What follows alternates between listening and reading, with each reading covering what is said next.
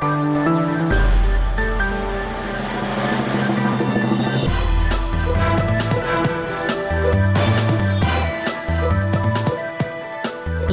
Радио Слободна Европа, програма на македонски јазик.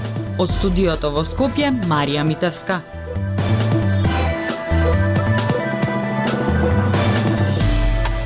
Почитувани во овие вести ке слушате, растат тензиите во собранието меѓу претениците од опозицијата и власта. Ново и поголемо шоу во наредните денови очекуваат аналитичарите. Протистите на јавниот сектор продолжија. Министерката за труд и социјална политика Јованка Тренчевска вети систем кој ќе гарантира раст на нивните плати. Покрај дигиталните учебници следната учебна година ќе има и печатени велот од Министерството за образование и наука. Останете со нас. Независни вести и анализи за иднината на Македонија на Радио Слободна Европа и слободнаевропа.мк.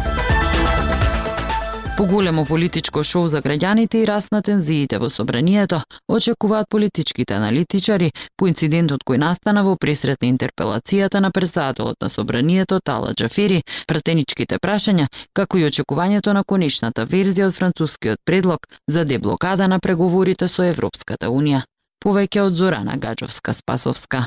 Политичкиот јас меѓу власта и опозицијата се повеќе се зголемува поради тензијата во која што се наоѓа земјава во изминатиот период, вели комуникологот Петар Арсовски. Според него, двата спротеставени блока сега се гледаат низ на непријатели, а не како политички опоненти. Вчерашниот инцидент во кој при жестока кавга меѓу координаторот на ДУИ и председател на Комисијата за европски прашања Арбер Адеми и опозицијските пратеници Антонио Милошовски и Халин Снопче летаа филџани и пластични шишиња не се добри за политичкиот диалог, додава тој. И не очекувам да се подобри тоа бидејќи гледам дека работата оди кон ескалација, а не кон деескалација. За да почне работата да оди кон деескалација треба да се направи некаков нормален процес на политички диалог поинклузивен. Не знам дали тоа може да се случи во овој период, особено имајќи ги предвид длабоката поделба околу францускиот предлог, воопшто правецот во кој се движи а, државата.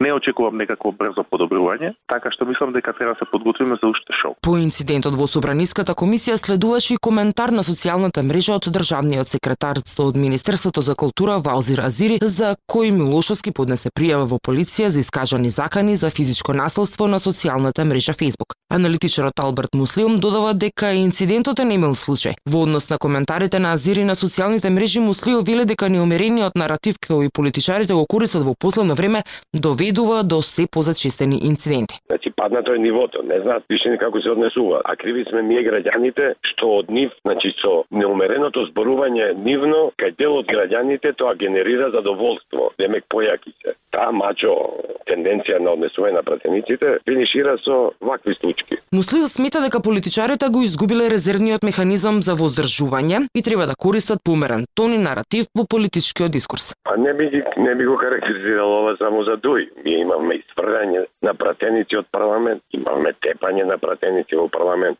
Така да ова е карактеристика на нашиот парламент. Неказнивоста на политичарите за непримерното однесување во собранието, па и во јавниот живот, остава негативни последици врз општеството, велат Арсовски. Било која неказнивост остава лоши последици бидејќи граѓаните ги фрустрира, бидејќи тие треба да платат казна на пример за сообраќаен прекршок, а луѓе од политичките елити поминуваат неказниви. Меѓутоа, не мислам дека тоа треба да се врза за една или за друга политичка елита вкупно, за кроз целиот политички спектар. Опозицијската ВМРО ДПМН побара оставка од имиот претеничката функција, симнување на неговиот претенички имунитет и потоа да одговара за насилство во собранието. Дел од претениците на СДСМ на социјалните мрежи изразија и подршка за Адеми, посочувајќи дека бил испровоциран од опозицијските претеници. Еден ден предходно во јавноста одекна информацијата за ослободителната пресуда за советникот од Дуј во општина Охрид Нефи Усеини за нападот врз Охриѓанец. Судиката донесе ослободителна пресуда поради контроверзната изјава на нападнатиот граѓан, кој како што се вели во пресудата, иако на видео снимките и лекарските прегледи се докажува дека тој е физички нападнат од Усеини, Сепак во изјавата пред судот тврдал дека него тепа Усеини и дека му се причинало од е видел пиштол. Усеини е охридски бизнисмен и прв човек на локалниот угранок на Дуј. И ова не е негов единствен инцидент. Наши економски проблеми Ние разговараме за решенија на Радио Слободна Европа. Сојузот на синдикати на Македонија излезе на протест пред Министерството за труд и социјална политика во рамки на генералниот штрајк во администрацијата. Министерката Јованка Тренчевска ги повика на средба и најави воспоставување систем за раст на платите во јавниот сектор. Прилог на Срѓан Стојанчов. Синдикалците дојдоа на протест пред Министерството за труд и социјала, министерката ги покани да влезат на средба. Таа вети диалог, но не и прифаќање на нивните барања. Сојузот на синдикати на Македонија излезе на протест пред Министерството во рамки на генералниот штрајк на администрацијата. Тие бараат линеарно зголемување на платите на административците за 2800 денари и исплата на К15 во висина од 30 до 100% од платата. Синдикалците подсетуваат дека им било ветено покачување на платите со ребалансот на буџетот, но сега власта не предвидува пари за зголемување.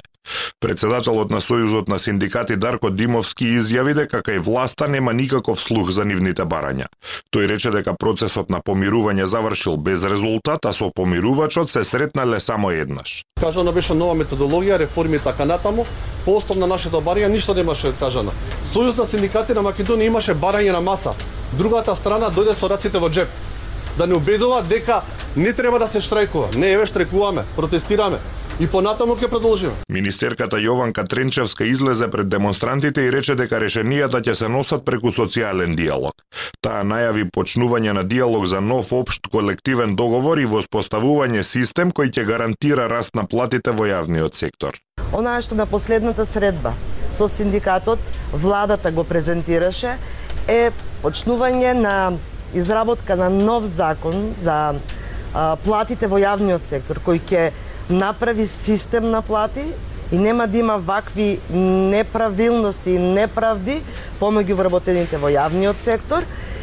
Процесот на подготовка на новиот општ колективен договор е започнат и да го заокружиме и К15 до крајот на 2022 година за јавниот сектор. Откако минатата недела не беше прифатен амандманот на Сојузот на синдикати во Собраниската комисија за финансирање и буџет, председателството на синдикатот организираше протести пред владата и собранието, а во понеделникот наутро три часа ја блокираше крстосницата во автокоманда на влезот во Скопје со што илјадници граѓани беа спречени да дојдат на време на работа.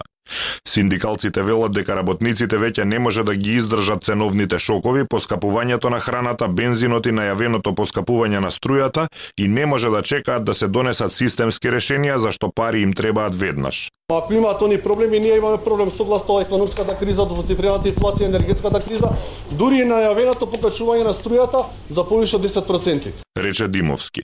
Министерот за финансии Фатмир Бесими минатиот месец објави колумна во која најави нова методологија со која ќе се прилагодат платите во целиот јавен сектор, но и ќе се вреднува продуктивноста. Платите може да се покачат само кога ќе се донесе методологијата. Сојузот на синдикати стапи во генерален штрајк на 22 јуни. Радио Слободна Европа, светот на Македонија. Воведувањето на дигиталните учебници за прв пат лани во септември за учениците од четврто оделение, според родителите наишло на низа проблеми. Од Министерството за образование и наука сега велат дека од септември сите деца ќе може да учат и од печатени учебници, известува Јасмина Јакимова. Во прво оделение без поголеми повестувања и проблеми. Во второ пандемија со три изгубени месеци од наставата. Трето со маски во клупа, и често префрлување на онлайн настава. А четврто, со целосно нов концепт на настава со дигитални материјали и беспечатени учебници. Сведок на сите овие турбуленции беше скопјанката Катерина Јакимова, чија дете годинава го заврши четвртото одделение, како дел од првата генерација што учеше речиси исклучиво од дигитални учебници. Тие за прв пат беа воведени лани за четврто одделенците, паралелно со новата концепција и наставни програми. Мајката вели дека кај незиното дете имало интерес за учење, но некои работи едноставно тешко се следеле онлайн. Мора учебници да има, во секој случај мора. Значи, тешко има на децава да читаат од таблет, па буквите, па редовите им се губат. Долани што се вика учеа како да читаат, а се оваа година одеднашка треба да читаат од компјутер или од таблет или телефон. Слично е искуството на скопјанката Александра, чија дете исто така годинава го заврши четвртото оделение. Во целодневна настава, каде што скоро се се учело на училиште, без да се даваат домашни задачи.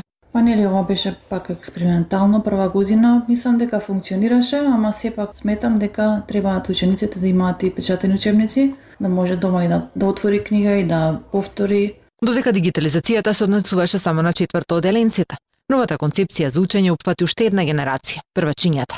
Двете клучни реформи требаше да помогнат децата полесно да го совладуваат материјалот, да го поврзуваат наученото и користат во пракса. Реформите се правдаа со поразителните резултати од меѓународните тестирања. Наставникот Добри Јовевски, познат по своите иновативни методи на работа, но и интерес за дигиталните алатки, годинава водеше првачиње. Како приврзаник на идејата за дигитализацијата, смета дека тоа е еднината и во образованието, но не по цена да бидат отстранети печатените учебници.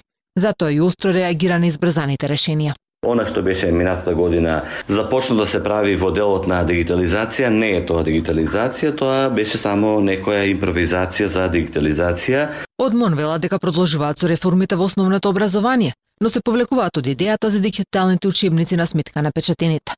Оттаму појаснуваат дека наместо само во дигитален формат, учебниците во четврто и погорните оделенија ќе бидат достапни во печатена форма, со цел секој ученик да може да учи од учебникот кој најмногу му се допаѓа. Директорот на Бирото за развој на образованието, Зекерија Хасипи, вели дека во моментов се прават анализите за успешноста на реформите изминатата учебна година. Како главна причина за враќањето на печатените учебници пак за сите ученици, ја наведува неопременоста на училиштата. Не располагаат со ресурси за да се реализира наставата со, со дигитални учебници. Анализата направена лани од Парламентарниот институт при Македонското собрание покажа дека од 27 европски држави кои се анализирале, Задолжително користење дигитални учебници имало само во една – Италија. И таму, како што се наведува во документот, не било исклучено користењето печатени учебници. Актуелности свет на Радио Слободна Европа. Многу украинци бараат од различни земји да ја криминализираат употребата на символот З, но Бугарија е посебен случај, бидејќи тука русите бараат забрана на символот, пишува Дамјана Велева и Јана Строј, пренесува Емил Владков. Долго пред да се спореди со свастика, символот Z беше забележен на руските тенкови и камиони кои ја нападна Украина. Иако се појавија различни верзии на неговото правобитно значење, она што е важно е значењето кое подоцна му беше дадено од руската пропаганда. Руското Министерство за одбрана почна да го користи во своите кампањи на социјалните мрежи, кои подоцна беа лансирани од други институции во земјата. Денес последната буква од латинската азбука може да се види во речиси сите руски градови, на возовите, во јавниот превоз, на билборди и постери. Символот брзо се здоби со популарност надвор од Русија, како демонстрација на поддршка за војната што ја започна Владимир Путин. Од украинска гледна точка употребата на буквата Z е недвосмислена. Според зборовите на украинскиот министер за надворешни работи Дмитро Кулеба, тоа е еднакво на јавна поддршка за руските воени злосторства, како што вели тој, за бомбардирањето на градовите, убивањето на илјадници цивили во Украина. Конкретно март Кулеба ги повика сите земји да ја криминализираат употребата на символот за пропагандни цели. Од тогаш, неколку земји како Летонија, Литванија, Молдавија презедоа таква акција. Меѓутоа во Бугарија има посебен случај. Не украинци, туку руси бараат забрана на символот Z. Буквата Z е символ на војна, символ на убивање луѓе. Сметаме дека не треба да се користи. Изјави за Слободна Европа Генадий Гудков, председател на бугарската секција на Организацијата за Слободна Русија. Движењето ги обединува русите кои живеат во различни земји кои се противат на режимот на Владимир Путин. Низината бугарска филијала е основана во февруари во Софија. Тој официјално ја осуди руската инвазија на Украина и им се извини на украинскиот и бугарскиот народ за агресивните действија на режимот на Путин. Самиот Генадий Гудков служел во советските безбедносни служби, а потоцна станал член на Руската дума. Работеше со партијата на Путин, единствена Русија, но од средината на првата деценија на 21. век стана сериозен критичар на неговиот режим. На почетокот на овој месец бугарскиот огранок на движењето, што тој го предводи, испрати писмо до Советот на министри, како и до партиите продолжува промената, ГЕРБ и Демократска Бугарија со официјално барење бугарските власти да ја криминализираат употребата на знакот Z. Инвазијата и злосторствата на руската армија во Украина се вршат под символите Z и V, што може да се смета како свастика од времето на нацистичкиот рајх, се вели во декларацијата. Тоа беше се во вистите на Радио Слободна Европа. Од студиото во Скопје со вас беа Марија Митевска и Дејан Балаловски. До слушање.